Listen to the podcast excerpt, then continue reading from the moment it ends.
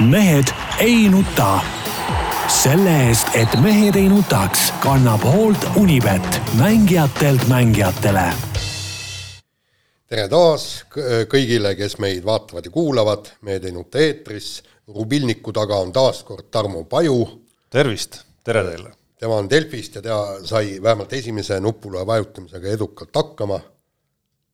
Peep Pahv, eelmine rubilniku mees Eesti Päevalehest ja Delfist. tervist Jaan Martinson Delfist, Eesti Päevalehest ja igalt poolt mujalt, keda Rubilniku juurde ilmselt ei lasta. ei lasta mitte kunagi muidugi, see on ka selgemast selge, eks Tarmo on väike pinge peal, et ütleme, ma tegin vahepeal seda tööd nii hästi, kui ta siin teestas mingit haigust kodus, et, et nüüd, nüüd ta peab ka sama, samal tasemel olema. jah, sa panid ikka, ajasid selle lati ikka nii kõrgele. lati tõstsin kõrgele, jah. jaa, ma tunnen seda pinget tegelikult, et ma käisin, meil oli siin stuudios just juttu enne saadet, et iga meie selle uksekiibiga siia, siia videostuudiosse nagu sisse ei saa, on ju, aga minu kiibiga tegelikult saab, ma võin öelda, et ma käisingi siin harjutamas enne.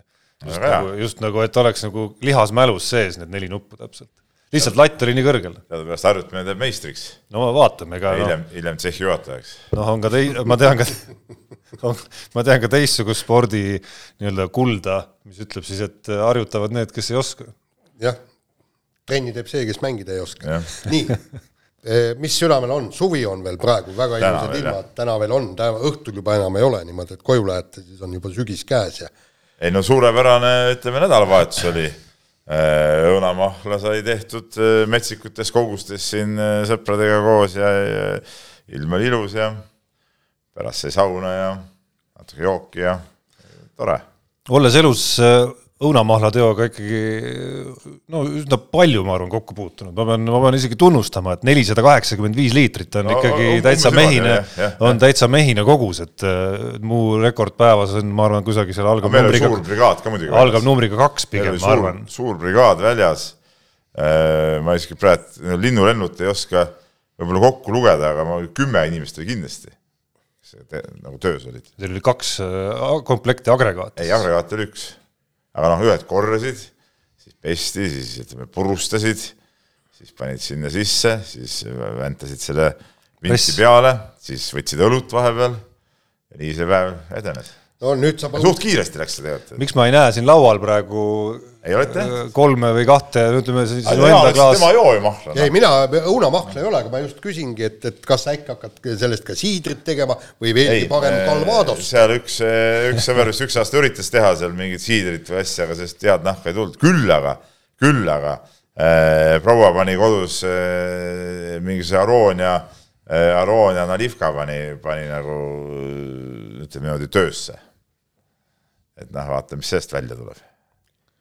nii, poliitikast meil on aega rääkida ka saate keskel, lähme nüüd äh, teemadega edasi. meil on mingid poliitilised äh, minutid või? ei, meil ei ole poliitilised minutid, aga, aga saate on... keskel? saate keskel, jah. meil ei, meil tulevad seal teatud teemade juures ah, poliitika okay. tuleb mängu, jah.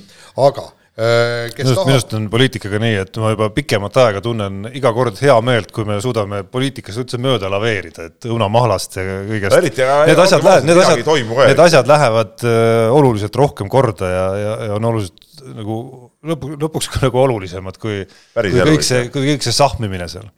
nii, äh, kes tahab Türgi rallist kuulda tõsist pikemat ja sü-, sügavat analüüsi palun kuulake kindlasti meie rallistuudiot, eile läks see eetrisse ja seal me rääkisime oma hinged, suud ja, ja kõik muud kehaosad tühjaks.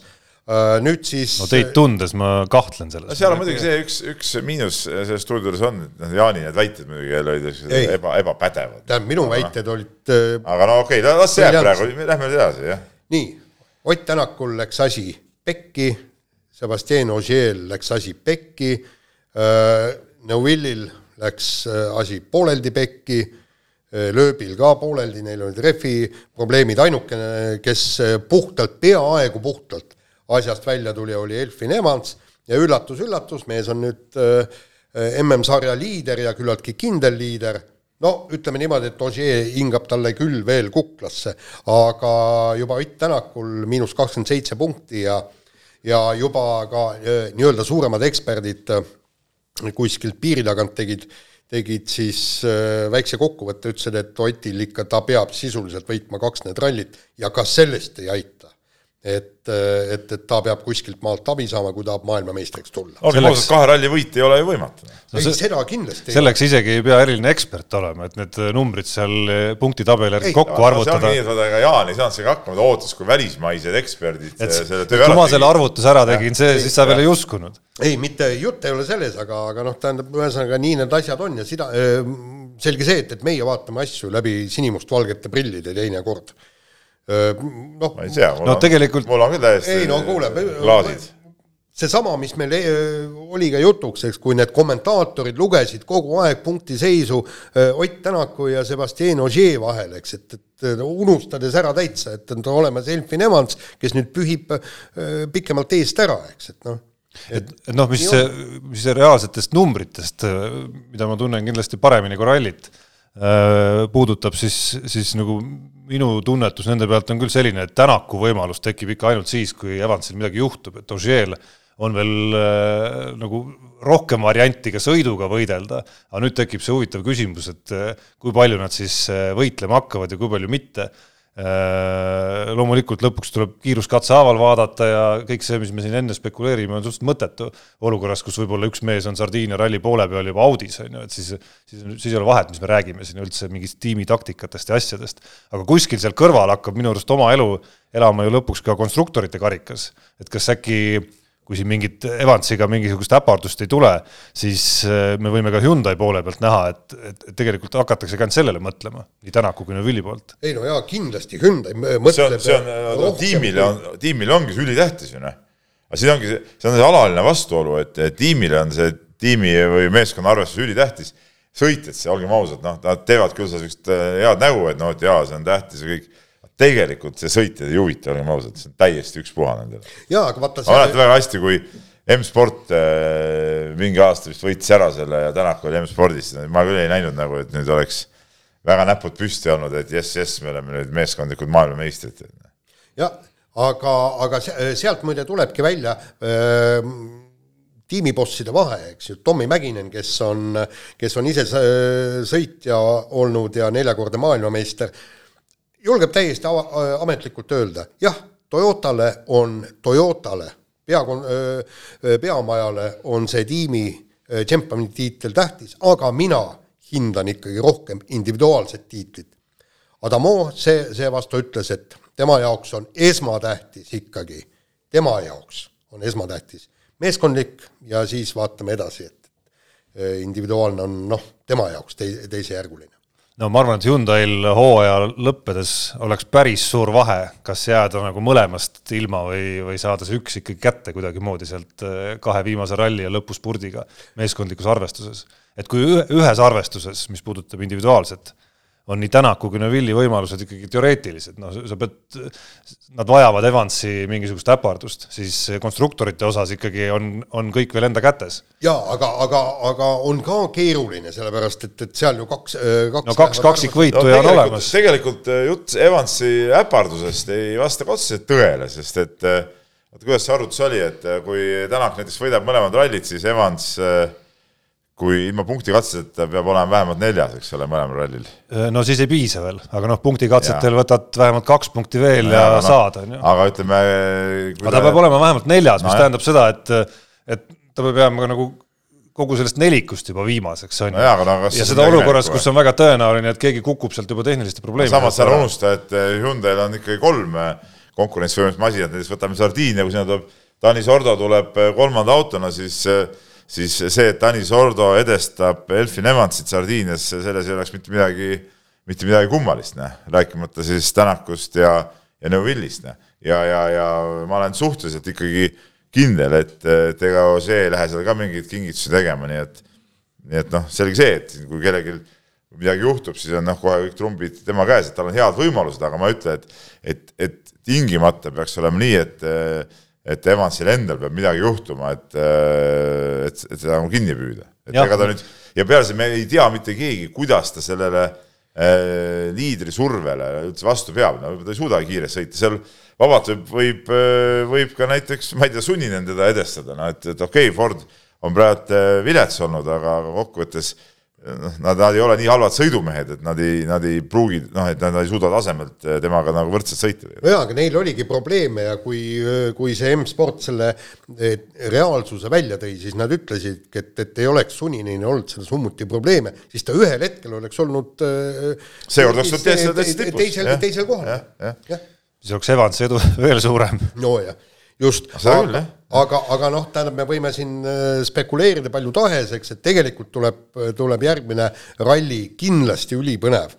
kas nüüd seda põnevust jätkub ka, ka viimaseks ralliks või tegelikult mitu rallit meil veel üldse MM-sarjas on, seda ei tea mitte ükski ei no kui hakkab juhtuma teistega, siis võib juhtuda, et et Sardiinia ralliga on Evans juba maailmameister. ei, just ongi jah, ja, ja, ja kõik ja see ja, ja siis ongi, siis ongi noh, põnevus on nagu läinud, sellepärast et võib-olla seal mingisugune rabelemine käib veel tiimipunktide pärast, aga noh, see ütleme niimoodi suurt äh, äh, rahvamassi kindlasti ei huvita. no me eilses stuudios rääkisime sellest äh, kõlakast, et kuskil veel elab äh, elab elujutt sellest, et äkki üks ralli ikkagi veel sinna hooaja lõppu torgatab, see oli Monza või? et, et see on vähe, vähe, vähe tõenäoline. seda absurdseks ajades saaks ju teha nii, et Sardiinias justkui Evans kindlustab maailmameistritiitli ja siis tuleb oot-oot-oot. mõtlesime ühe ralli veel. jah, see on nagu jalgpallimängu lõpp, vaata, kus äh, teinekord koduväljakul Gruusias eriti, ma arvan, need üleaja minutid venivad teinekord. Äh, kahelt minutilt kümne peale, et nii kaua, kuni lihtsalt, äh, kuni lihtsalt kodumeeskond värava ära lööb. ja, jah, veel, veelgi targem oleks ju teha siis pärast Belgia rallit, kui jess, kõik maailmameistritiitlid löövad käsi kokku ja, ja kõik siis öeldakse oot-oot, teate, meil tuli just praegu pressiteade, et et noh te, tegelikult on muidugi ülim aeg minu arust öelda, et kõik aitab küll, tänavuseks on see plaan paigas, oleks tore, kui me need kakski suudame ära korraldada, sest mis sa ei suuda, no mis, mis ja, aga, aga, aga üks, aga üks on nüüd, jaa, aga üks on nüüd selge ikkagi vähemalt nädal aega enne seda äh, Sardiinia rallit tuleb ära öelda, kas, kas nüüd me sõidame kaks rallit või, või rohkem, sest selge see, et, et kogu see taktika, ettevalmistus, kõik, kõik see on äh, ikkagi noh, erinev, kui sul on veel jäänud kaks sõita, kolm sõita nii, aga, aga nüüd kiirelt tundub, et, et Tommy Mäkineni ja Ott Tänaku suusad on ikka päris risti läinud, et eile Tommy Mäkinen siis väga kurjalt avaldas äh, oma meelt selle üle, et, et Ott Tänak äh, viimase punktikatsel äh, tegi noh, punktikatse eel, eelmisel. jah, noh, punktikatse eel tegi, ma ei tea, kas tsirkust või kuidas seda ütleme, et, et ühesõnaga startis siis äh,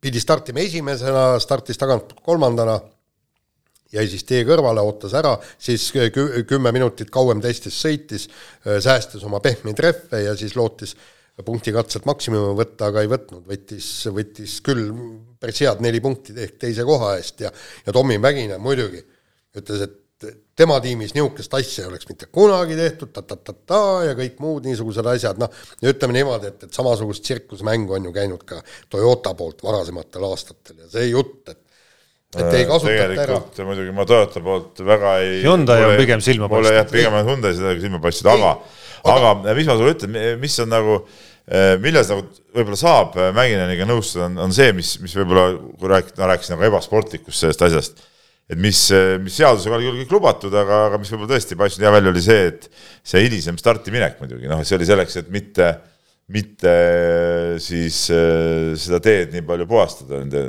nendele toetajatele, kes oleks, nendel kukkus üks auto eest ära, eks need olud olid selle võrra, võrra keerulisemad, aga, aga noh, see oli niisugune noh, see kõik on lubatud ja, ja, ja midagi seal ei olnud, et kui on lubatud, siis tuleb ära kasutada need võimalused. samas ma kujutan ette olukorda, kui, kui kõik mehed hakkavad selle ees niimoodi mõtlema. Tulevad Greensmithid ja Lubeed ja, ja, ja siis tuleb äh, sellel Lappil ka samasugune mõte veel. no Hyundai hetkel... tegi üks aasta, ma mäletan, kas see oli Portugalis või kus see oli, kui, kui äh, lööb ja, ja, ja äkki oli Sordo äh, ja aitasid seal seda äh, Neuvilli, et siis äh, siis samamoodi seal sätiti neid stardihetki ja ei mindud ja hirmus möll käis sellega. ja, ja no varasemalt on tehtud ju punktikatse ka seda, aga punktikatse keelati ära, et punktikatse peab olema õigel-aegselt, õigel ajal startima. et noh, tegelikult muidugi võiks reeglites siin mingid eh, korrektiivid mm. sisse viia ikkagi no selles suhtes. muide, aga ma meenutan, et, et punktikatsel nii-öelda hilinemine ju muudeti pärast seda, kui, kui ei, ei olnud, Ogier oli kõigepealt tegi triki ära, siis tegi Tänak selle triki ära ja pärast Jah, seda, pärast seda, jah. keelati ja, ja Tänak tuletame ega see tuli seal ka esimesena välja, noh. ja, ja aga just Ogier tuli välja, Tänak tegi ja tuletame meelde, et Tänak sõitis Toyotas ja siis ei olnud Mäkinenil küll mitte midagi öelda. Et, et oh kuulge. jaa, aga üldiselt see on nagu rohkem ikkagi Hyundai'de rida, ütleme, niisugune trikitamine ja, ja möllamine. jaa, aga noh, hinnangu andmisel tuleb ilmselt olla ka aus selles suhtes, et kui seda on teinud keegi teine, siis on eestlased üsna kriitilised alati selles suunas, aga kui seda teeb Tänak, siis nad on kriitilised Mäkineni suunas, et mida ta köhib seal. no nii on nii, nii see, nii see, nii see on, nii kui see on, et jah, kuigi see tegumood on tegelikult üks ja seesama mõlemal juhul. ja, ja kui lõppkokkuvõttes need öö, vajalikud punktid öö, toovad maailmameistritiitli ja sa ei ole kuskilt reegleid rikkunud, siis ongi sul MM-tiitel käes ja korras, nii. vahetame teemat, läheme korvpalli juurde, hooaeg on äh, noh, sisuliselt ju alanud tegelikult. Eestis karikavõistlused käivad jaa, juba teine ring. ja ka Keila on aktsioonis ja on ka sellel nädalal aktsioonis karikavõistlustel ja ma loodan väga, et et me jõuame ka selleni, et äh, kui me siin panustamise rubriiki jõuame, siis, siis äkki isegi äh, kas, kas, kas nüüd just selle rubriigi ajaks on see püsti, aga äkki isegi on üks eripanus olemas, mis võiks Peepu motiveerida natukene Aha. Tallinna Kalevi vastu äh, ikkagi nagu paremaid esitusi näitama, aga, aga mitte Keilast ei tahtnud me praegu siin teemas rääkida, vaid, vaid see teema märksõnad on Kristjan Kangur ja ja mitte nii väga TalTech isegi, vaid, vaid võib-olla BC Kalev Cramo rohkem, sest BC Kalev Cramol on nädalavahetusel algamas ka VTB liiga hooaeg, aga alustame seda teemat, ma arvan, eilsest uudisest, millest räägiti tegelikult juba ju mõnda aega, ehk eile sai ametlikult vormistatud ja välja öeldud, et Kristjan Kangur lahkub BC Kalev Cramost ja liitub TalTechiga. no tegelikult äh, ma eile rääkisin ka Kanguriga sellest ja, ja, ja noh, arvestades äh, vanameistri vanust ja, ja kõike seda, siis äh, tegelikult mõistlik otsus, noh, et, et selge see, et et miks peaks äh, üks kohe-kohe kolmekümne kaheksa aastaseks saav mees äh, valima mingit mööda viirusest rikastatud Venemaad sõitmist, kui, kui võib rahulikult mängida siin koduliigas ja ja tegeleda siin natuke eneseharimisega ja, ja oma elu siin, siin niimoodi korraldada, et ma nagu küll midagi Kangurile ette ei heida selles suhtes. no kogu see olukord ei soosinud, ma arvan, BC Kalev Cramot selles olukorras, et äh, me räägime siin hetkel ja meie saate järgmine teema puudutab ka siis äh, ütleme siis välisvõistkondade Eestisse tulekut, millega on siin praegu Eesti jalgpallikoondis hädas ja BC Kalev Cramo samamoodi, et et ei ole ka laualt maas ju variandid, et ühel hetkel mitte BC Kalev Cramo ainult oma siis kodu, mitte välismängude jaoks ei peaks sõitma Venemaale, vaid peab ka võib-olla jäämagi mingiks ajaks kuskile sinna Venemaa mulli, kui ta tahab seda hooaega läbida, et see kõik ei tundu nagu väga ahvatlev kolmekümne kaheksase vanameistri jaoks, kes ka koondise tasemel on ju juba ikkagi nagu juhtme seinast välja tõmmanud. ja loomulikult, no selles suhtes ei olegi midagi, midagi, midagi kummalist ja, ja ja tegelikult ma tahaks muidugi kiita ka TTÜ satsi, et minu keel ei painu seda TalTechi nimetamas, see on nagu see haige nimetus ja ja minu arust see tuleks ära keelata, siuksed debiilsed äh, ülikooli nimed. et äh, TTÜ või noh, tipp oli vanasti nagu veel parem, eks ole, aga noh, see selleks.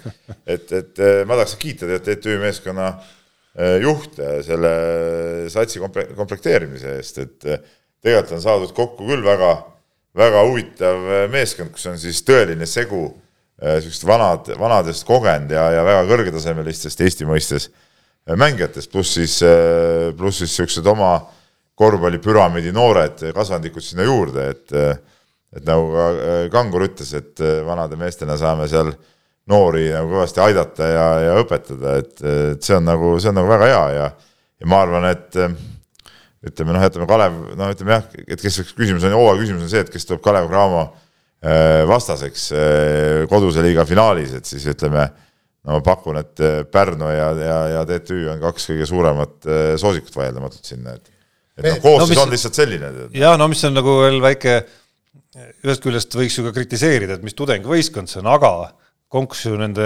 vanemate meeste tuleku juures on ka see, et päris mitmed neist läksid ka õppima tegelikult TalTechi see on ikka selline euronoor, täiega oina villi. ehk siis, ehk siis ennast harima ka sinna juurde, nii et see, see nagu asi, asi töötab ka seal kenasti veel juures. töötab ka kenasti, jah. kuule mehed, kiirelt nüüd rääkige Kalev Cramo seis ja Kalev Cramo seis on raske, ütleme nii, raske on, tegelikult see hooaja algus on olnud küll üle kivide ja kändade, see komplekteerimine ja kõik, et kõigepealt see kitsingu äraminek, noh, kanguriga saad nüüd kaubale, lisaks on seal see pikem mustanahaline mängija tuli kohe vigasena ja, ja tähendab, ei tulnud vigasena, vaid noh, sai kohe vigastada treeningul ja ei ole saanud ka nagu mängida, et et ütleme, see korvpalli osakond on ikka väga hõre, et nüüd nad otsivad neid mängijaid ja siin mingid ameeriklased on silmapiiril, aga aga tõenäoline on see, et nad seniidiga mänguks, mis neil nüüd siis eh, laupäeval või pühapäeval, praegu nüüd ei oska, ei mäleta, toimub, et eh, selleks mänguks nad seda koosseisu niimoodi kokku ei saa. Aga mis, mis on nagu huvitav või, või kõige ägedam selline komplekteerimise osa on see muidugi, et see Markus Kiin on päris huvitav leid sinna taha liini, et sihuke, sihuke pisike punn, mis ta on meeter seitsekümmend viis või midagi sellist ja, ja, ja päris päris omapärane mängumees, ma seda natuke ühe, ühe korra olen näinud ka, et, et tema oli isegi üheksa kolmest pani TalTechi vastu, TalTechi vastu. kümnest üheksa kusjuures, jah. No.. et, et päris, päris tummine kuju tead, noh.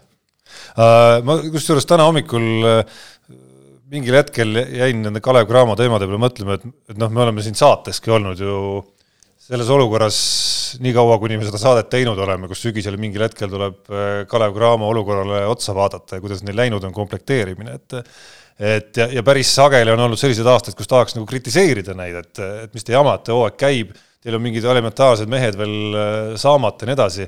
Sel aastal kuidagi keel ei paindu samas nagu väga palju nagu negatiivselt ütlema, vastupidi, et tahaks esiteks, esiteks oleks nagu rahul üldse, et sellel keerulisel ajal suudeti nagu sellel tasemel ikkagi jätkata, hoolimata kõikidest äh, kõhklustest, mis läbi aegade on Kalev Cramo juures siin viimastel, viimasel paaril aastal olnud. ja, ja teisest küljest tõdeda ka, et eks neil on nüüd nagu absurdset äh, ja planeerimatut ebaõnne ka sees olnud, et see Kitsing hooaja eel ikkagi nagu ära läks, okei okay,, see kirves on neil kuidagi kogu aeg pea kohal olnud nende lepingupunktide juures, mis lubab äh, kitsingumasti meestel lahkuda, aga et see nagu nii õnnetult äh, vastu hooaega kohe nagu ära käis, on siiski nagu noh, selline nagu, mille puhul tahaks nagu kaasa tunda natukene. Ja noh, see Colemani lahkumine tundub vähemalt selle järgi, mis on avalikult teada, tundub selline nagu ka nagu et Kalev Cramo eestvedajatel ei ole siin nagu midagi ette heita, pluss samuti sellele, et praeguses olukorras ka neid uusi mehi ongi väga raske tuua, et ongi needsamad saabumised nii keerulised, küll saadetakse mõni mees lennujaamast tagasi ja isegi kui sa mehe saad, siis see kaks nädalat nii-öelda nagu karantiini aega tuleb lihtsalt üle elada. no ei tule tegelikult, ütleme, kui tuleb ikkagi ütleme mõnest niisugusest riigist, mis on siin Euroopa Liidu riik või no väga vähe. või, või ega ameeriklased ka ei pea olema kaks nädalat minu teada et, et äh, seal piisab ikka sellest proovi andmisest ja seal mõnest päevast, et niimoodi nad on siia, siia tulnud, aga, aga aga, aga noh, selge on see, et, et kui nüüd nagu mänguks läheb ja, ja siis ütleme sellise korvialusega, nagu neil praegult on, on, on väga raske, ütleme, see niidile vastu, eks alustas hooaega väga hästi ju näiteks Imkit alistati kohe. kusjuures minu arust ei ole küsimus ainult korvialuses, mis muidugi on nagu liinide mõttes kõige rohkem kannatanud, aga aga me räägime praegu olukorrast, kus on äh, nagu, nagu kümme meest ainult koosseisus olemas ja isegi kui need kaks ameeriklast, keda planeeritakse, tulevad, siis me räägime ka ainult kaheteistkümnest ikkagi, ehk et see pool seal Kalev Cramo juures, mis ütleb, et piisab ühe mehe haigestumisest, kergest vigastusest, millest iganes ja, ja enam ei ole kahtteist meest pingile võtta, et see on nagu selline, see mulle küll ei meeldi. jaa, ei see on mis neist kahest noorest sai, kes siin olid orbiidil, tead sa täpsemalt no,? Jurkatam ja, ja ma tean, et nad, nad Korsunov. Korsunovile vaadatakse ikkagi Itaalias mängupaika. Jurkatami kohta olen kuulnud, et võimalik on ikkagi USA ülikool hoopis, aga, aga need asjad on praegu vist kõik, kõik veel lahtised ja nii-öelda äh, mitteametlikud väited. nii, pange edasi nüüd järgmise teema ah,. nii, ja mina, minu järgmine teema ja äh, nagu siin korra ka Tarmo poole sõnaga vai, äh, mainis äh,, Äh, kultuuriministeeriumil spordirahval ei ole õnnestunud siis saada valitsuselt kuidagi erandit, äh, see on siis kolmandatest riikidest tulevate välissportlaste äh, siia tulekuks, et sunnitakse siis neid kaheks nädalaks karantiini minema, kes ei ole siis ütleme sellest Euroopa Liidu ja Schengeni ruumist ja, ja mingit teatud riikidest.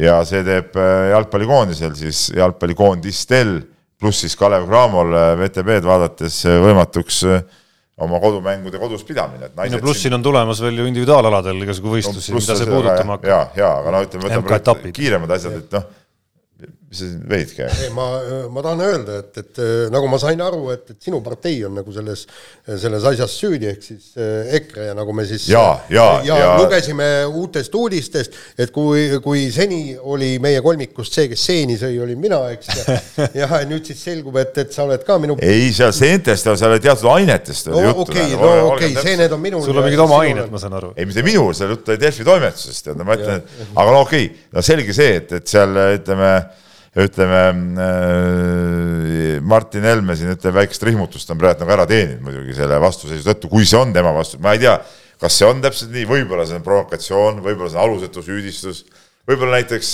kuidas sa saad üldse öelda? inimene ei taha seda, seda läbi lasta, ega ma ei tea seda, aga no selge see, et no see on täielik jama ja, ja ma eeldan, et kui Jüri Ratas on vähegi peaminister, ma püüdsin talle ühes kommentaaris seda mõista ka nagu anda, et, et kui ta on ikka vähegi peaminister, siis ta peaks suutma nagu need asjad nagu ära lahendas, tegemist on muidugi spordimehega ja ma üldse ei kahtle selles, et Jüri Ratas saab aru, et seda seadust või, või seda erandit on nagu väga vaja.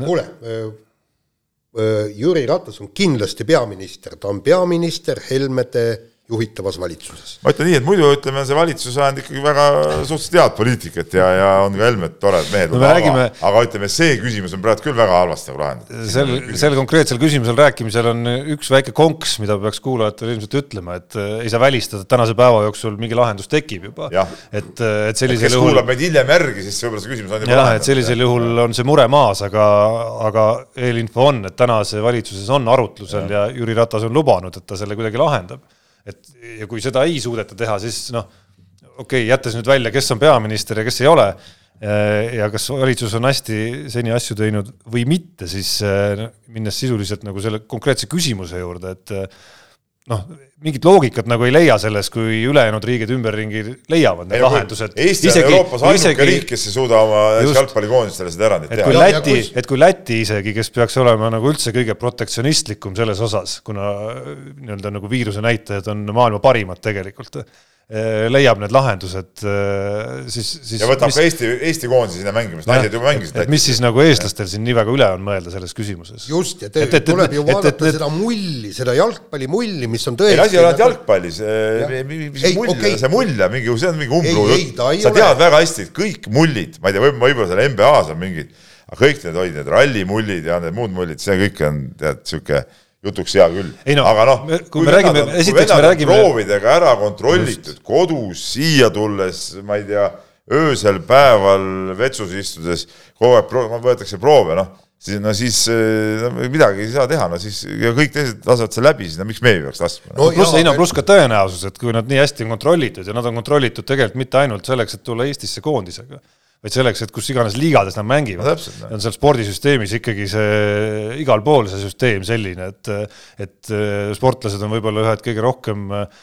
seda pulka ninna saavad äh, inimesed, kui, kui need kõik kõrvuti panna, et, et siis, siis tundub see nagu riskidena siiski noh, oluliselt väiksem kui, kui kes iganes meist siin kuskil nagu ringi käimas, kes võib-olla äh, ainult siis, kui eh, mingid sümptomid on, nagu mul eelmisel nädalal on sunnitud testi minema. siiski meie Jaaniga oleme pidanud ka nii täiesti tervet ennast testima. ja ei, aga näiteks no seda Eesti riigi absurdsust eh, näitab ju kas või see, kui Marko Kristal eh, sotsiaalpostituses ju ta ei tohi praegu oma meeskonda meil juhendada, eks ju, Nõmme Kaljut ja siis ütles, et ta on kaheksa proovi andnud, kõik on negatiivsed olnud, ikka peab kodus istuma kas ma saan õigesti aru, et esmalt istus ta kodus äh, selle nii-öelda nagu Kalju esimese laine pärast ja nüüd siis sellepärast, et nad tulid välismaalt? mänguga seal väljas, jah.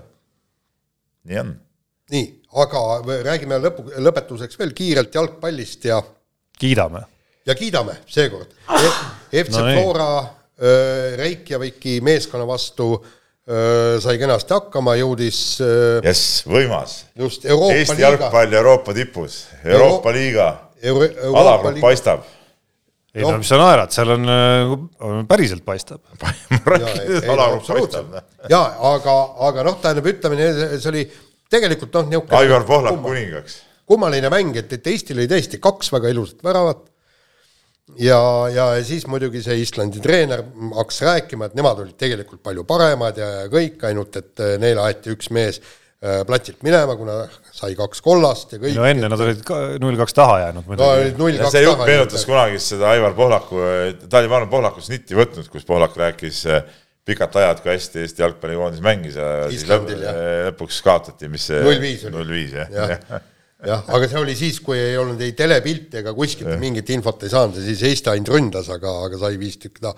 aga ei, see on kena, nüüd on Küprose satsiga minnakse kokku ja öö, küll võõrsil ja üks, ühest mängust on kõik asjad kinni, et kas see Malta ei olnud siiski? Malta, Malta, või oli jaa. Malta, Jaa, jah no- no, no kuule, saar, üks saar, püüa olla nüüd natukenegi nagu fakti täpsus on ikkagi oluline, Jaan. ütleme siis saare riigi satsiga. kas ma nüüd panin täppi nii, ja võitke see ka ära võõrsil ja hurraa. Siis ei ole veel ei no siis ei ole veel alagrupp. siis tuleb veel üks raske vastane, see oli mingi Horvaatia klubi vist, mäletan. et noh, ei no mis järgmisse ringi, siis tuleb jälle mingi kolmsada tuhki tuleb mõnusalt juurde. raha tuleb jälle, Aivar saab jälle uue selle nahkvesti endale osta või mingi ei, ei, tal on ikka see vana, aga, aga tegelikult on, mõneti on see noh, okei okay,, kindlasti see ei ole, ei saa nimetada, et see on ebaõiglane, aga, aga ta on selles mõttes, kui sul hästi läheb, siis sa teenid palju raha, sa saad osta tõesti paremaid mängijaid ja kõike niimoodi ja teha veelgi liigas ennast tugevamaks ja, Ja. Üks- kõik see hakkab ju eh, nii-öelda kuhjuma. hästi minek on muidugi natuke nagu petlik ka, sest et et nagu kolmandas ringis olekki tähendab muidugi seda, et eh, Flora oleks kahte vastast alistanud, eks ole. ei, seda mitte et nad ju tegelikult ju nad ju kõigepealt mängisid eh, kraad kõrgemat sarja, kukkusid sealt kohe välja, sealt kukkusidki kohe teise ringi nagu nii-öelda ehk siis nad on tegelikult ühe võidu saanud, et siin nagu mingid, olgem nüüd ausad, mingid super hästi minekust No no, veel on nagu vara rääkida, aga pappi tuleb, ei, pappi tuleb muidugi, see on põhiline ei. no papp papiks, et Papp põhiline. tegelikult on ka sümpaatne vaadata, kuidas äh, isegi mängupildist hoolimata kaks tükki ära lüüakse, et see, see oli nagu väga hästi mängitud mäng tegelikult. Flora poolt, nii, nii taktikaliselt kui ka siis nagu teostuse mõttes, kuigi ootamatult ärevaks kiskus see asi seal muidugi teisel poolel, isegi kui nad olid arvulises ülekaalus, nii et et äh, hea, et niigi läks, aga nüüd siis paneme proovile minu äh, nupuvajutamisoskused. niisuguse pilguga ja ma ei, ütleks, ma ütleks nii, et see Tehnikas näpp ei oli ol- puudujääke. see näpp ei olnud päris selle klahvi keskel. ja okay., ja, ja kusjuures vaata, seda nuppu tuleks niimoodi kohe, lähed põmm, vajutad, aga seal oli paus ette, see nagu pikk jutt ette, et ta nagu mõtles peas läbi, milline sul see on nagu see, et nagu kossuseks sa saad söödu, selles mõttes kohe peale virutada, ootad, sa mõtled midagi, siis saad räigi kulbi tegelikult, et noh. Ma- on sellesse et kategooriasse. sa pead ikkagi ennast, ennast natuke, natukene no parandama mul on tänases saates on kaks võimalust veel ikkagi. proovi, proovi paremini. nii, aga kiire vahemäng ja et mulle neid numbreid ei ole ette kirjutatud siia. mis numbreid? no mis sul olid eelmine, Mul? eelmine nädal siin üks, kaks, kolm ja neli. kuule, need um- numbrid ajavadki segadusse tegelikult. parem on, kui ei ole. nii, jätkame jalgpalliga, täna meil on jalgpalli hästi palju saates ja hakkab looma. seitsmeteistaastane Oliver Jürgens hakkab looma. no hakkab sõlmis profilepingu Milano Interiga ja sama vana FC Flora kaitsja äh, Maksim Baskotši liitus Tottenham Hotspuri noorteakadeemiaga. ja, ja siis äh, nädal varem oli siis kuueteistaastane Martin äh, Vetkal siirdus AS Roomasse. et mehed ainult lähevad ja lähevad ja lähevad, aga okei okay,, ma, ma natukene tõmbaks kõiki neid äh, erutusi, erutusi maha, et, et meil on ju mänginud mehed ka ju, on sealsamas AS Roomas on meie noorteakadeemias olnud, meil on poisid Inglismaal klubides noorteakadeemias on, kui palju meil on korvpallureid äh, Itaalia, Hispaanias äh, tugevates klubides noori mehi, kes neist on juba tippu tõusnud? ei kedagi, jalgpalluritest üldse mitte kedagi, kes meil on, kaks meest on tipus, üks tuli Viljandi tulevikust ja teine mees äh, Tallinna lõvidest. jah, aga noh, see ei ole ka põhjus äh, otseselt nagu kohe kaitsepositsioonile asuda ja hakata rääkima, miks see nagu pole eriti nagu kõva sõna, et, et need noored sinna No no, jaa, nagu vägisi aga läinud on, maksa aga hõisata, loomulikult ei maksa hõisata. jaa, aga kas keegi on hõisanud nii sina väga ei? hõiska tahad. kuidas ma hõiskan? sul olid siin näpud püsti ja siin. jaa, kindlasti. olid, olid ju. et noh, et seda tulebki võtta nii nagu, nii nagu mustvalgel need asjad seal välja näevad, et selge, et kuueteistkümneselt, seitsmeteistkümneselt äh, nende lepinguteni jõudmine ja ma ei tea, kahekümneselt äh, Eesti koondise maailma edetabelis tõstma hakkamine on veel äh, kaks päris omaette maailma, rääkimata siis Milano Interi algkoosseisus kunagi veel mängimisest. tead, tegelikult me hakkame praegu mõtlema, et, et aga noh, profilepingut äh, ilmselgelt Milano Interis nagu päris niisama ei saa, et, et sul eeldusi ei ole, see, see on nagu, see on nagu tummisem asi kui mingisuguse noorteakadeemiaga liitumine, see on nagu selgem, selgem. jaa, aga siin, siin on ju see asi, et, et noh, kuidas nüüd see Milano Inter äh, Jürgensi karjääri hakkab kujundama, selge see, et, et noh, tal on ju üpris keeruline seal kuskil läbi lüüa, peab noorte meeskondades kõik mängima sealt edasi. no ilmselgelt ta tuleks kuhugi, kas siis madalamale tasemele kuhugi laenule anda, et ta saaks nagu mängida, mängida, veel kord mängida. Ja mõtle nüüd, see on nii tugev sats, et sinna meeskonda sisse ennast mängida, noh, see on, see on, see on võtame sellesama, mis ta oli, Jakob Hein, eks ju, Eesti koondise väravaht. mängib Eesti koondisest praegu jalgpalli, kõik nii. aga Arsenalis, näed, toodi nüüd islandlane kas, kas teiseks või kolmandaks väravavaiks põhisatsi ja kõik, eks. Nemad veel ei arvesta Heinaga. Nemad veel ei arvesta, aga meie paneme ta öö, äh, Eesti koondisse väravasse ja, ja väga hästi teeme see, et öö, teeme, et, et ta sinna paneme nii, aga me jääme jalgpallimanu ja räägime sellest, kuidas nädalavahetusel äh, koduses liigas tehti ajalugu. nimelt siis Nõmme Kalju vahetas mängija välja kohtumise kümnendal sekundil ja seda siis mitte vigastuse pärast, vaid vaid sellepärast, et et Eesti liigas on siis nii-öelda nii-öelda oma klubi kasvatatud mängijate reegel, neid peab olema kaks tükki algkoosseisus, iga mäng äh, nendesamade koroonapiirangute tõttu Kaljul noh, ei ole väga lihtne, niigi ei ole Kaljul ajalooliselt väga lihtne olnud äh, nende reeglite täitmine, aga nüüd antud olukorras äh, karantiinide ja isolatsioonidega on veel keerulisem ja seetõttu siis äh, üks kahest nii-öelda tehti põhimõtteliselt siis fiktiivselt, kuueteistkümneaastane Lauri Suup pandi algkoosseisu, aga kõik, kes staadionil olid, said aru, et et see kestab täpselt esimese võimaluseni, millal on võimalik ta välja vahetada. no seal isegi ei olnud võimalust, et seal vist löödigi pall lauti, kohe tehti vahetus ära, et no see nagu näitab jälle selle, selle asja nagu, nagu totrust, et ehk, ehk on tehtud nagu reeglid reegli enda pärast ja, ja ja ei ole nagu mõeldud sellele, et tegelikult klubid võivad hakata sellest äh, kõrvale hiilima, muidugi mõistan äh, Nõmme Kalju praeguses olukorras, et see, et äh, noh, nüüd tuligi võtta, ütleme, üks, üks suvaline noorte satsi vend ja, ja panna sinna korraks platsile, aga aga tegelikult oma olemuselt see reegel võiks tähendada ikka seda, et see, et äh, üks on algkoosseisus alustamine, teine on see, et see vend peaks ka mängima ka näiteks mingi nelikümmend viis minutit vähemalt. no ega tavaolukorras algkoosseisust äh, nagu fiktiivseid vahetusi hakata tegema, kulutab siiski su vahetusi ka, nii et äh, no jalgpallis see vahetuste arv on ju tõstetud ju ka nii suureks juba, et enam see vahetus ei ole nii, nii hinnas ju noh. vaata vanasti vist teevad kaks vahetust, siis oli nagu vahetused no kulla hind rohkem, tead noh, nüüd on ju tavaolukorras kolm ja ma ei tea, kas see osades kohtades on see ka nelja peale mindud juba osades liigades, et, et viis, või isegi viis, et noh, et see vahetus ei ole enam nii väärtuslik, kui ta, kui ta vanasti oli. jaa, aga viib... samas jube palju on see reegel nüüd viimasel ajal kriitikat saanud ja viieni ja... tõsteti minu arust meil ka ju. nii, et see reegel on meeletult palju kriitikat saanud ja, ja, ja hästi palju argumente on selle reegli vastu toodud ja noh, minu meelest on üks kõige tähtsam argument on see, et, et sellel nii-öelda oma klubi kasvandikule äh, ta ei pea eriti palju tegema selleks, et pääseda platsile, tal ei ole vaja äh, üle mängida suuri staare, noh, nii-öelda staare, eks, et kes siia tulevad, ei ole vaja välismängijaid üle mängida, mitte midagi, tal on vaja üle mängida ainult sealt väiksest pundist, võib-olla seal on kaks-kolm-neli meest, kes on nii-öelda oma klubi kasvandikud. ja tema peab nendest neljast mehest parem olema, et platsile saada et tihtipuhku ta muidu ei väärikski platsile minekut, eks. ma lihtsalt täpsustan ka, seda ei võetud ikkagi lõpuks kasutusele, seda viie reeglit, aga mm, -hmm. aga see, mis sa räägid, minu arust haakub natuke eelmise nädala jutuga ja ja, ja tegelikult ka sellega, mida Kuno Tehva on rääkinud päris palju minu arust, et äh, vaata siin Aivar Pohlak äh, kui ta on rääkinud selle nii-öelda ühe kümnendi mängijate nagu nii-öelda nõrgemast generatsioonist, on ka rääkinud, et äh, kui nad nägid, et see hakkab tulema, siis, siis võeti nagu meetmeid tarvitusele, muuhulgas siis seesama KTM-i reegel, aga noh, KTM-i reegel mõnes mõttes tegelebki nagu tagajärgedega, et et kui sul lihtsalt, kui sul ei ole nagu sellel tasemel mängijaid nagu võtta ikkagi, siis hakkab ta toimima just sellisel kujul, nagu sa kirjeldasid praegu. ehk siis äh, mingid mehed, kelle tase ei küündi nagu veel väga selleni, et nagu, et sa mängidki ennast oma taseme poolest juba koosseisu, hakkavad seda nagu avansina saama, mis võib hakata nende arengul jälle kahjuks mängima. nojah, ei, selles suhtes küll, aga kokkuvõttes ma ei oleks selle reegli suhtes nagu kriitiline et, et, et see on nagu iseenesest nagu õige asi, et, et nõutakse neid eh, oma püramiidi eh, nagu mängijaid, noh.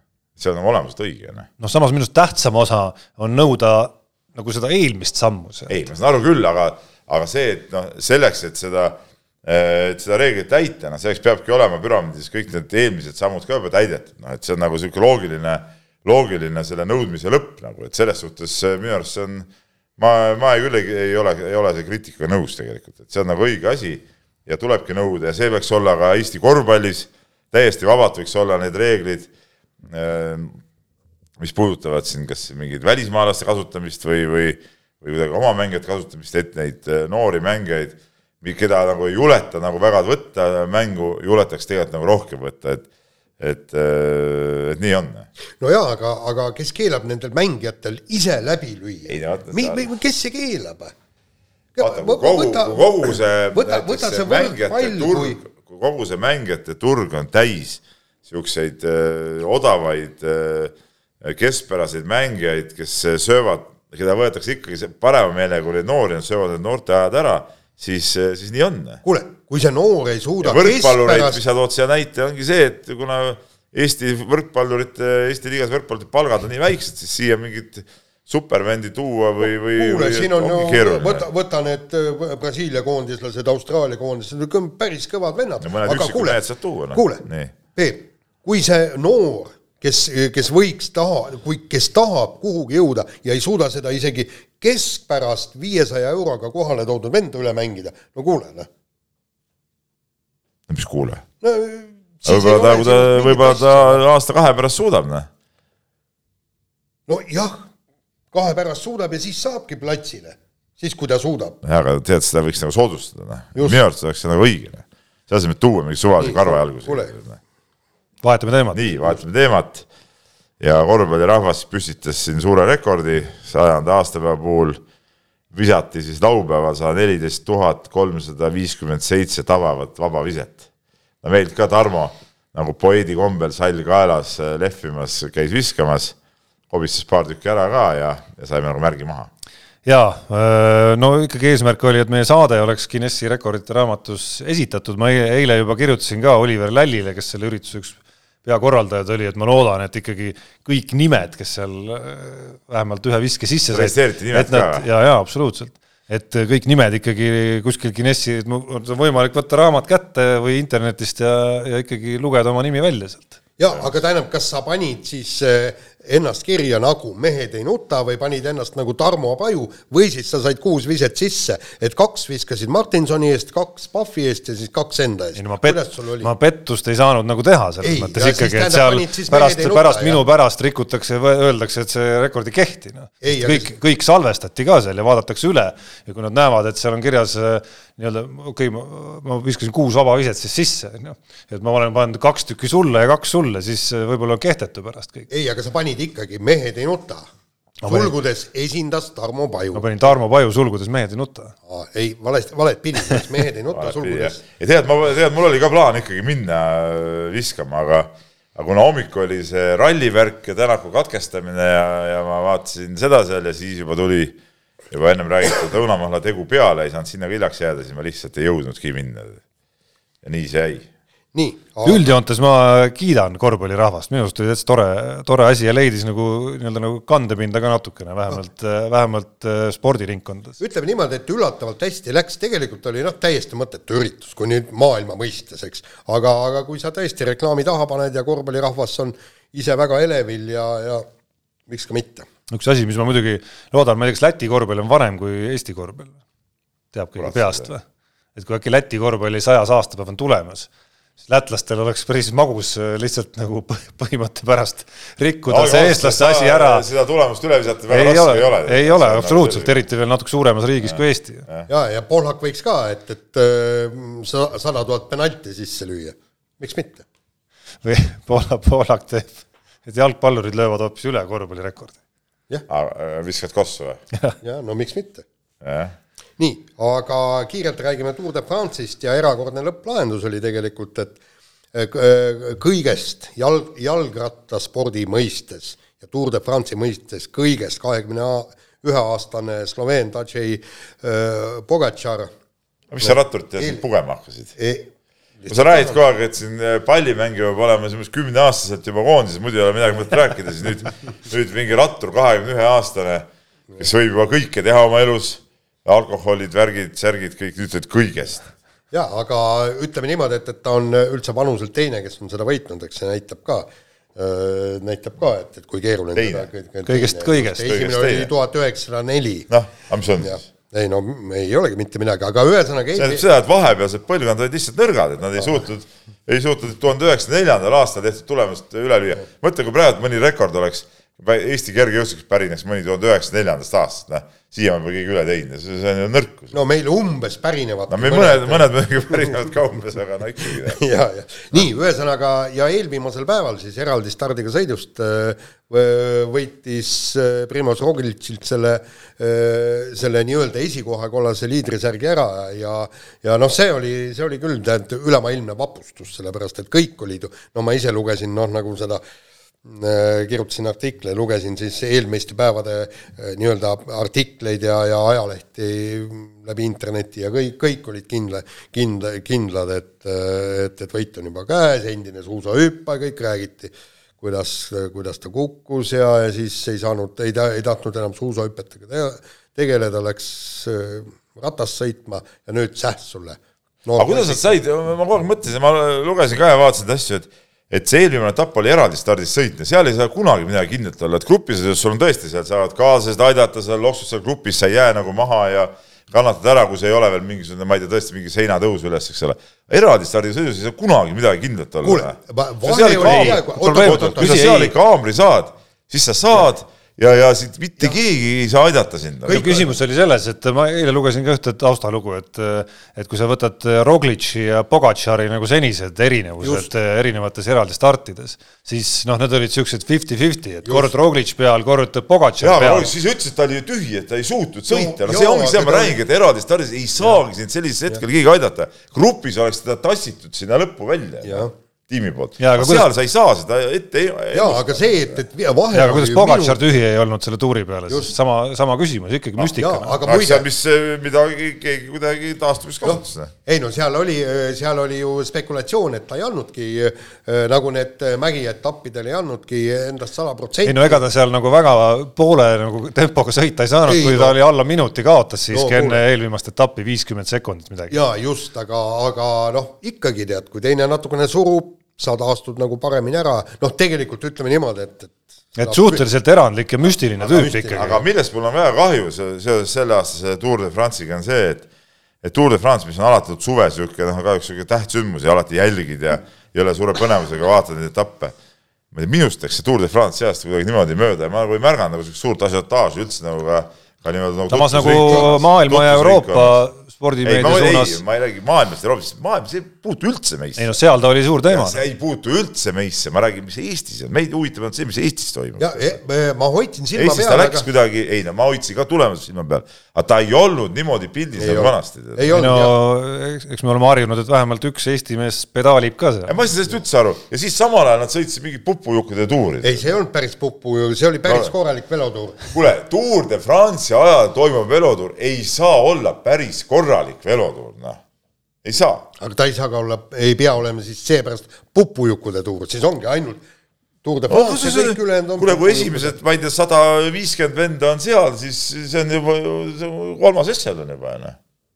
no Kangerti suust ma kuulsin tagantjärele, et ta nagu ikkagi tunnistas, et ta ruttas oma otsusega no loobumise aga ta otsusega. tegelikult ütles ka juba siis, kui ta loobus, ütles, et, et noh, et, et tegelikult noh, vaikselt juba kipitab see asi rinnus, aga noh, see selleks. nii, aga vahemängu lõpetuseks äh, väike kiidunurk veel. Peebule see uudis kahtlemata heameelt vist ei teinud siiski, Sergei Pupka jäi nüüd ka, võistlust otsepildis. jäi nüüd ka välis maailmarekordist ilma ikkagi teivashüppes, eks see oli aja küsimus, millal äh, Jaa. Armand Duplantis selle, selle ära teeb ja ja ma arvan, pole kedagi, kes oleks valmis kihla vedama, et see tal viimaseks jääb. aga küll on ikka mage vaadata kergejõustikku tühjast staadioni. see on ikka täitsa, see on ikka masendav vaatepilt minu arust. seal sa ei peta nagu ära ka, nagu Seal NBA peta nagu nii nagu. NBA-s on ära Jah. petetud päris hästi tegelikult., et see, seda on ikka, ma ei tea, vaatasite seda võistlust Ja või no,? olete neid kuld- või teematiga etappe vaadanud, eks ole. see tühi staadion on ikka ropp nagu. huvitav, ma vaatan Ameerika jalgpalli, olen ka vaadanud, staadion tühi, no peaaegu tühi, seal mõ- mõningatele mängudele lubatakse tuhatkond, paar tuhat, kolm tuhat pealtvaatajat, aga see on ju mingi seitsmekümne tuhande staadion, see on äh, käputäis. aga selles mõttes on ka huvitav, et, et kas ruuporid selle..., ruuporid kätte andma? ei no seal nad lasevad ju seda heli. sa, sa tähendab televaatajana sa ei saagi aru, et on staadion tühi, eriti siis, kui veel tribüüne ei filmitagi ja, ja kui näidatakse seda platsil, siis ikkagi noh, publiku lärm ja kõik, kõik on olemas. tele, televaatajad. lihtsalt nagu, nagu, nagu lolliks teha, lase natuke mingit lärmi ja, ja asi on korras. ei, aga kui sa tribüüne ei näe, kust sa siis tead, et publikut ei ole? ma tean, et seal ei ole seda publikut, noh. sa ei teadnud või? no aga lärm käis. et lärm käis ja mõtlesin, et oi, et ongi täiesti täis maja. saad aru, sa unustad selle ära, sa vaatad ei mängu. unusta ära, ma kogu aeg mõtlen seda, ma vaatan ka neid NHL-e ja neid asju, ikka siuke, sa kohe saad aru, et see kõik tuleb lindi pealt sa tead seda? Noh. mina vaatan mängu, kui sina vaatad publikut, see on juba sinu probleem. see emotsioon peab olema selles asjas no.. no mul ongi emotsioon mängu sulle, peale. sulle on rumaluste peale. Nonii no vaata, kas saad pihta nupule oh.. oi, täitsa ja läks kuidagi. saab tasuta vaadata aastas enam kui viiekümne tuhande mängu otseülekannet. seda isegi mobiilis ja tahvelarvutis. Unibet, mängijatelt mängijatele ma arvan, et Unibet võtab nüüd ütleme sinu sellest eh, toetussummast eh, midagi maha, sest ütleme nende, nende tunnusmeloodia mängimise selline jäme eksimus, noh. see on nagu, see on nagu ütleme, ütleme laskmisvõistlustel on see viimane voor, üks, kas see oli mingi olümpial või? mingi vend lasi kuskil, ma ei tea, nelja või kolme või põhimõtteliselt. ja kaotas kulla. ja kaotas kulla, no täpselt samamoodi. Jeeli, Jeeli sai mingi näpuotsaga sai pihta sellele klahvile. No eks ma pean pärast saadet jääma siia ja, ja, harjutama, Unibetil ei ole varsti mult võib-olla midagi võtta enam, sest äh, eelmisel nädalal edulugusid minul vähemalt ette näidata ei ole. kahte, kahte, kaks korda läksin nagu püüdma ikkagi niisuguse suurema koefitsiendiga ja väikese panusega äh, nii-öelda üritust, mõlemad nii-öelda Eesti atleetide vastu.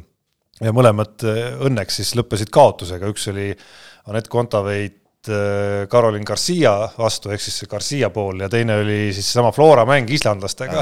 kaks-null seis, kaks-null seisul oli vist koefitsient kas üksteist islandlastel või midagi sellist. ma, ma olin jõudnud juba telekas kanalit vahetada, kui pärast vaatasin, et palju puudu ei jäänudki. no jaa, aga vaata, selline ta on, ta tahab omade kaotust, noh. ta on niisugune limukas, noh ei, ma ikka täpsustan, Peep, sa kõikide nende aastate jooksul nagu raiud seda, äh, kuigi sa tead väga hästi, et selle strateegia nagu sisu on tegelikult vastupidi et ma hoian pöialt omadele, aga siis, kui öö, äh, omad kaotavad, siis vähemalt midagi head seal kõrval. vaata, aga kui omad kaotavad, siis sa peadki hinges olema kurb, mitte et, et hing hõiskab, et võitsin. ei, vastupidi, ma saan nagu palsamit natuke. ei no, no ei ole ette nähtud, siis on, siis on aeg kannatustest, see on nagu Eesti filmis, eks, siis pead kannatama siukse, käima ringi, tuul, tuul puhub, need prahid, praht lendab ja, ja, ja, ja siuksed pisar siin silmanurgas ja ja kedagi ei ole, külm on. ja, ja, ja kusjuures pead kuulama Arvo Pärdi Aadama itke yeah.. Oh. ma jään siiski nagu oma taktikale truuks, ma arvan, ka edaspidi mm.. kuidas teil? ei noh, me, mina tiksun seal, ma panin kaks panust täppi, kaks panust mööda, niimoodi põhimõtteliselt ikkagi seal kakssada. midagi huvitavamat välja tuua Ameerika jalgpallis kolm mängu panin pihta ja siis väga huvitav panus oli ju see, et absurdne panus minu meelest oli see, et et Elfin Evans võidab sunineni ja sa, aga see ei olnud, koefitsient ei olnud suur, aga no see oli niivõrd selge, et ma panin sinna mingi seitse eurot. no rallikäiku vaatasin, ega nii selge see nüüd ka ei olnud, et rallikäigus vahepeal. no ikkagi üsna seal, seal see vahe ikkagi kriitiliseks ei läinud. kuule, aga lähme nüüd kirja. ei, passis, ma saan aru jälle, jah? passis, jah okay., aga ma luban, ma luban et järgmine nädal ma teen ja siis ma põhjalikult analüüsin seda. aga uue nädala Mehed ei nuta eripanused on töös tegelikult päris mitu tükki, et äh, üks neid puudutab siis äh, Keila käekäiku ja, ja Keila edasi, võimalikku edasipääsu Kalevi vastu. edasi, no sealt sa oled öelnud, et ei ole mõtet ei. nagu no, alla, ütleme, alla kaheste ja kolmeste panuste koefitsientidega pole mõtet möllata. palju koef on? no veel ei ole, aga no ma usun, et sealt saab ikkagi nagu maksimum, mis üldse. võimalik on nagu ma välja leiutada. ei no aga Peep vist ise ei saa. ei no selles mängus, ei no selles mängu mänguformaadis, kus ei ole reaalne raha meil mängus, ma arvan, on see ju lubatud täiesti. ja, ja, ja, ja, ja, ja tegelikult on neid asju töös veel mitu, et Jüri Vips nädalavahetusel Sotšis, vaatame, üks poodiumi mõte on seal ja kindlasti, kes tahab Kalev Cramole panustada seniidi vastu, siis äh, on mehed ei nuta äh, eripanusena võimendatud koefitsient tulemas ka väga kõva, suur saab kindlasti olema see. no see tundub küll jah, nii, aga lähme ruttu kirjade juurde, viis minutit viiskümmend sekundit on selleks jäänud ja ja e, kiri selline, et eelmises saates rääkisite, et lapsed-noored ei treeni piisavalt ja toob, tuuakse näide siis Mihkel Ainsalust, kahekümne nelja aastane jalgpallur, kes siirdus Eestist tippmeeskond Florast Ukraina liiga eelmise hooaja eelviimasesse meeskonda ja toodud ära siis Ainsalu tsitaat. Trennid ja mahud on väga kõvad, hommikul on meil puhas jooksutrenn ehk väga kõrgel intensiivsusel joonejooks. otsade pikkus on värava jalast teise väljaku poole karistusalani. Korduste arv on nelikümmend, ikka väga kõvasti tuleb kuuma anda, õhtune trenn on jalgpall ja see, kuidas trennis teineteisele sisse minnakse ja kontakti antakse, ma arvan, et Floras oleks mind juba neli korda kabinetti kutsutud ja küsitud, et kas sul mul on elus kõik hästi, nõutakse palju ja kui tunnen, et ei jõua, siis treener nõuab endiselt ja läbi selle panengi juurde. enamus jalutavad pärast trenni jääkottidega minema, see on reaalsus ja siis tuleb küsimus Eh, ma ei, ma saan aru, et laste noorte meeskondades peab kõiki, kõigi trennides olevate laste tasemega arvestama, aga miks ei saa Eesti täisprofi meeskonnas sama kõvasti trenni teha kui Euroopa keskmisel tasemel? aga vastus on ju sama tegelikult, et ega eh, kui me räägime siin nagu noh, nendest KTM-idest, kes ei ole justkui veel nagu valmis, on ju, et kui, kui ka noorteklassis ei ole need koormused äh, piisavad olnud, ega sa siis meesteklassis samamoodi ei saa neile päevapealt lihtsalt, äh, sul, sul sats kukub laiali lihtsalt. jaa, aga see on nüüd üks asi, teine asi on ju see, neid koormusi tuleb ju tasapisi tõsta ja tegelikult peakski, peakski olema juba need, kui on mehed mänginud sealsamas Floras võib-olla teine, kolmas, neljas aasta, ma ei näe küll mitte mingisugust põhjust, et nad nüüd selle nelja aastaga ei ole mängijad suutnud nii kõvasti treenida, et ta ei kannataks ära seda Ukraina joonejooksu. muidugi peaks kannatama no muidugi peaks kannatama. päris raju drill muidugi selle kirjelduse järgi. nelikümmend korda. ausalt öeldes, et selles ma olen kuulanud siin äh, suve ja sügise jooksul palju neid, äh, seda staadionijuttude podcast'i, kus on üks eraldi rubriik Karl Rinaldol, et äh, nii-öelda kõige rõvedam trenn, ütleme maakeeli siis. ja siis minu arust ükski nendest, mis seal on kirjeldatud, ei, ei, ei, ei kannata isegi võrdlust sellega, mida Ainsalu kirjeldas. aga muide, seal slaavi poolt ongi, tuleb treenida Tšeresnemagu. Tšeresnemagu jah, see on õige. pärast jah. seda ja nad ütlevadki, et kuni selleni kui sa enam üldse ei jõua, see ei olegi treening, see on ettevalmistus treeninguks. õige treening hakkab sellest hetkest, kui sa enam ei jõua. nii, võtame järgmise kirja ja siin kõigepealt kirja autor Marko kiidab äh, mind asjakohase arvamuse eest jalgpallis ja sealsete vigade juures, et äh, ütleb, et tal on täpselt samad mõtted, aga siin ma ei tervet kirja ju ette lugeda, aga lähme siin äh, selle nagu teema või, või, või küsimuse juurde, et ta leiab, et Eesti jalgpalli või jalgpalli üldiselt pole vaja nui neljas populariseerida, seda teeb meie eest maailmas toimuv, no Ronaldod ja Messid ja teised suured mehed. ja siis ta sulgustab, kuigi üks härra ühes korvpalli podcast'is ütles, et Mike James ja muud mehed, kes VTB raames Tallinnas mängimas käivad, ei koti meie, ei koti meie noori, vaid on ikka oma kodu, koduküla mehed, kes neid suuremad, kes on nende jaoks suuremad eeskujud. noh, ta ütleb, et lubage naerda selle peale, tegu pole mingi vehklemise või muu väikese spordialaga maailma mastaabis et märksa olulisem on siis fookus ja visioon. noh, minu arust see on, eh, ma, ma siin ei ole nagu Markoga nagu nõus tegelikult, et et okei okay,, need Ronaldod, Messid ja Mike Jamesid on, on kõik nagu, nagu toredad mehed ja nad nagu sellist üldist huvi tekitavad küll, aga ma olen eh, nõus ka sellega, et tegelikult eh, ütleme niisugusele noh, näiteks noh, no ma ei taha seda Keila näidet kogu aeg tuua, ütleme, et ütleme Tartu meeste jaoks, ütleme Tartu laste jaoks oli ikka omal ajal kõige tähtsam see, et kuidas Tanel Tein või, või Toomas Kandimaa mängisid. või, või, või Toomas Liivak, eks ole, et see oli see, kelle moodi nad, nad tahtsid olla, need olid nagu nende enda need, need iidolid ja, ja käisid trennis ja võib-olla mõnikord seal saalis nägid neid kusagilt lähedalt ja see oli see, see vau-efekt tegelikult. no tead, see, see on nii ja naa, tähendab, kui noor võtab ennast endale ees, eeskujuks jõuda sama kaugele kui Tanel Tein, siis tema eesmärgid on kindlasti jube väiksed. ei no Tein oli üks näide, no selles mõttes, et, et ma, ei, et ma arvan, et seda sorti ei olegi ühtegi korvpallurit ke... kelle sarnane tahaks keegi olla või? no just, praegu. aga kas ütleme omaaegse, kas kas kui Tammiste just. mängis, kas sina, kas sa ei vaimustunud Tammistest? või sa vaimustusid kellestki mingist müstilisest, ma ei tea, äh, mingist vennast? Äh, jutt käiski, me tahtsime olla Tammisted, kes pääsesid liidu koondisse ja pääsesid olümpiale ja äh, võitsid olümpiamedaleid, sest see oli meie jaoks kõige ja, kõrgem tipp. jaa, okei okay,, kõige kõrgem, aga saad sa aru, et tegelikult asi hakkab pihta ikka sellest, hakkab kas või sellest külavõistkonnast, et sa käid, ma ei tea, isaga koos, võib-olla su isa või vend või keegi on see, see iidol, kellele sa tahad sarnaneda. Ja no, siis sealt lähed, sealt lähed juba edasi, on su oma klubi need vennad, oma linna need vennad ja, ja Eesti liiga need staarid. Ja siis, siis juba tulevad igast Mike Jamesid ja, ja, ja ma ei tea, Ronaldot, et noh et selles suhtes on oluline, nii, nelikümmend viis sekundit ja e- eriküsimus Tarmo Pajule, kes tõmbab spordikõrvaliste teemadega suu vett jooksma ja paluks tungivalt avaldada oma top kolm Napoleoni koogid. nii et sul on kiirelt vaja need ette, mul lugeda. on äh, top kolmega raske selles mõttes, et siin on nagu natukene Lähteallikad. nii ja naa, nii ja naa seise praegu ja see tabel muutub kogu aeg, aga et äh, saade ikkagi magusam on, siis ma